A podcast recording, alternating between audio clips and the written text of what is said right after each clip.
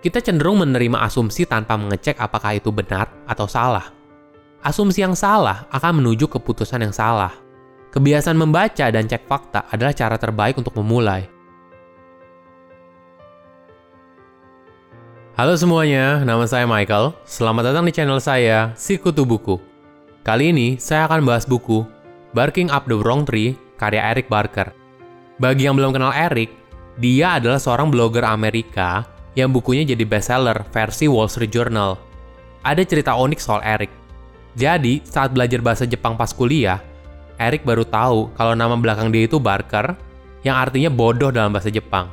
Bukannya sedih, malah Eric gunain itu sebagai nama blognya, Baka Desuyo, yang artinya I am Barker atau I am idiot. Tentu saja pekerjaan Eric sebagai blogger membuat dia harus menyebut nama blognya ketika memperkenalkan diri. Nah, dengan nama blog seperti itu, Eric malah justru diingat dan merupakan ice breaking yang paling efektif setiap kali dia ketemu orang baru. Oke, kembali lagi ke buku Barking Up the Wrong Tree. Di buku ini, Eric banyak menyajikan data-data scientific base untuk menjawab asumsi yang beredar di masyarakat. Misalnya kayak, orang yang pintar di sekolah pasti jadi orang sukses. Atau, orang baik pasti dimanfaatin, dan pasti susah jadi orang sukses. Untuk lebih detailnya, saya akan menjabarkan tiga hal yang menarik dari buku ini. Yang pertama, nilai bagus di sekolah tidak menjamin kesuksesan. Apakah belajar rajin di sekolah nggak perlu? Tentu saja tidak. Saya tetap punya pemikiran bahwa pendidikan adalah cara terbaik bagi seseorang untuk mendapatkan hidup yang lebih layak. Tapi, tentu saja, menjadi orang paling pintar di sekolah tidak berarti jadi orang paling sukses. Di buku ini, Eric mengutip studi dari Boston College soal 81 lulusan terbaik setelah kelulusan mereka di tahun 1981.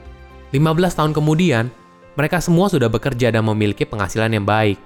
Tapi, tidak ada yang menjadi multimiliarder.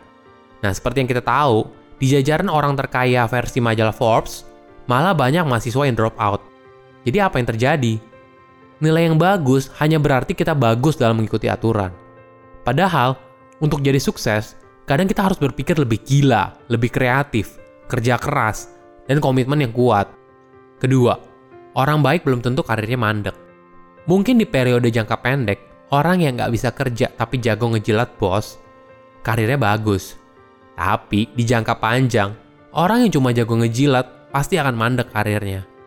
Riset dari Adam Grant, profesor dari Wharton, soal giver dan taker. Ternyata orang yang baik atau masuk dalam kategori giver karirnya berada di paling atas atau paling bawah. Jadi apa yang membedakan orang baik yang karirnya di paling bawah dan paling atas?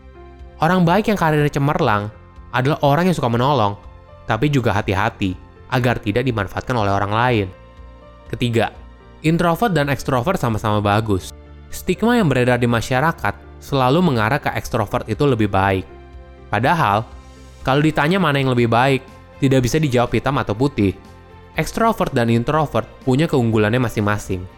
Secara rata-rata, orang dengan kepribadian extrovert menghasilkan uang sedikit lebih banyak. Hal ini karena orang dengan kepribadian extrovert lebih mudah untuk bergaul dan melebarkan jejaring pertemanannya. Tapi orang dengan kepribadian introvert merupakan spesialis. Mereka merupakan orang-orang yang ahli dalam bidangnya. Alasannya sederhana. Orang dengan kepribadian introvert biasanya menghabiskan waktunya dalam kesendirian, sehingga mereka bisa fokus dalam bidangnya masing-masing. Sebagai contoh, 89% dari atlet paling top memiliki kepribadian introvert. Kita cenderung menerima asumsi tanpa mengecek apakah itu benar atau salah. Asumsi yang salah akan menuju keputusan yang salah. Kebiasaan membaca dan cek fakta adalah cara terbaik untuk memulai.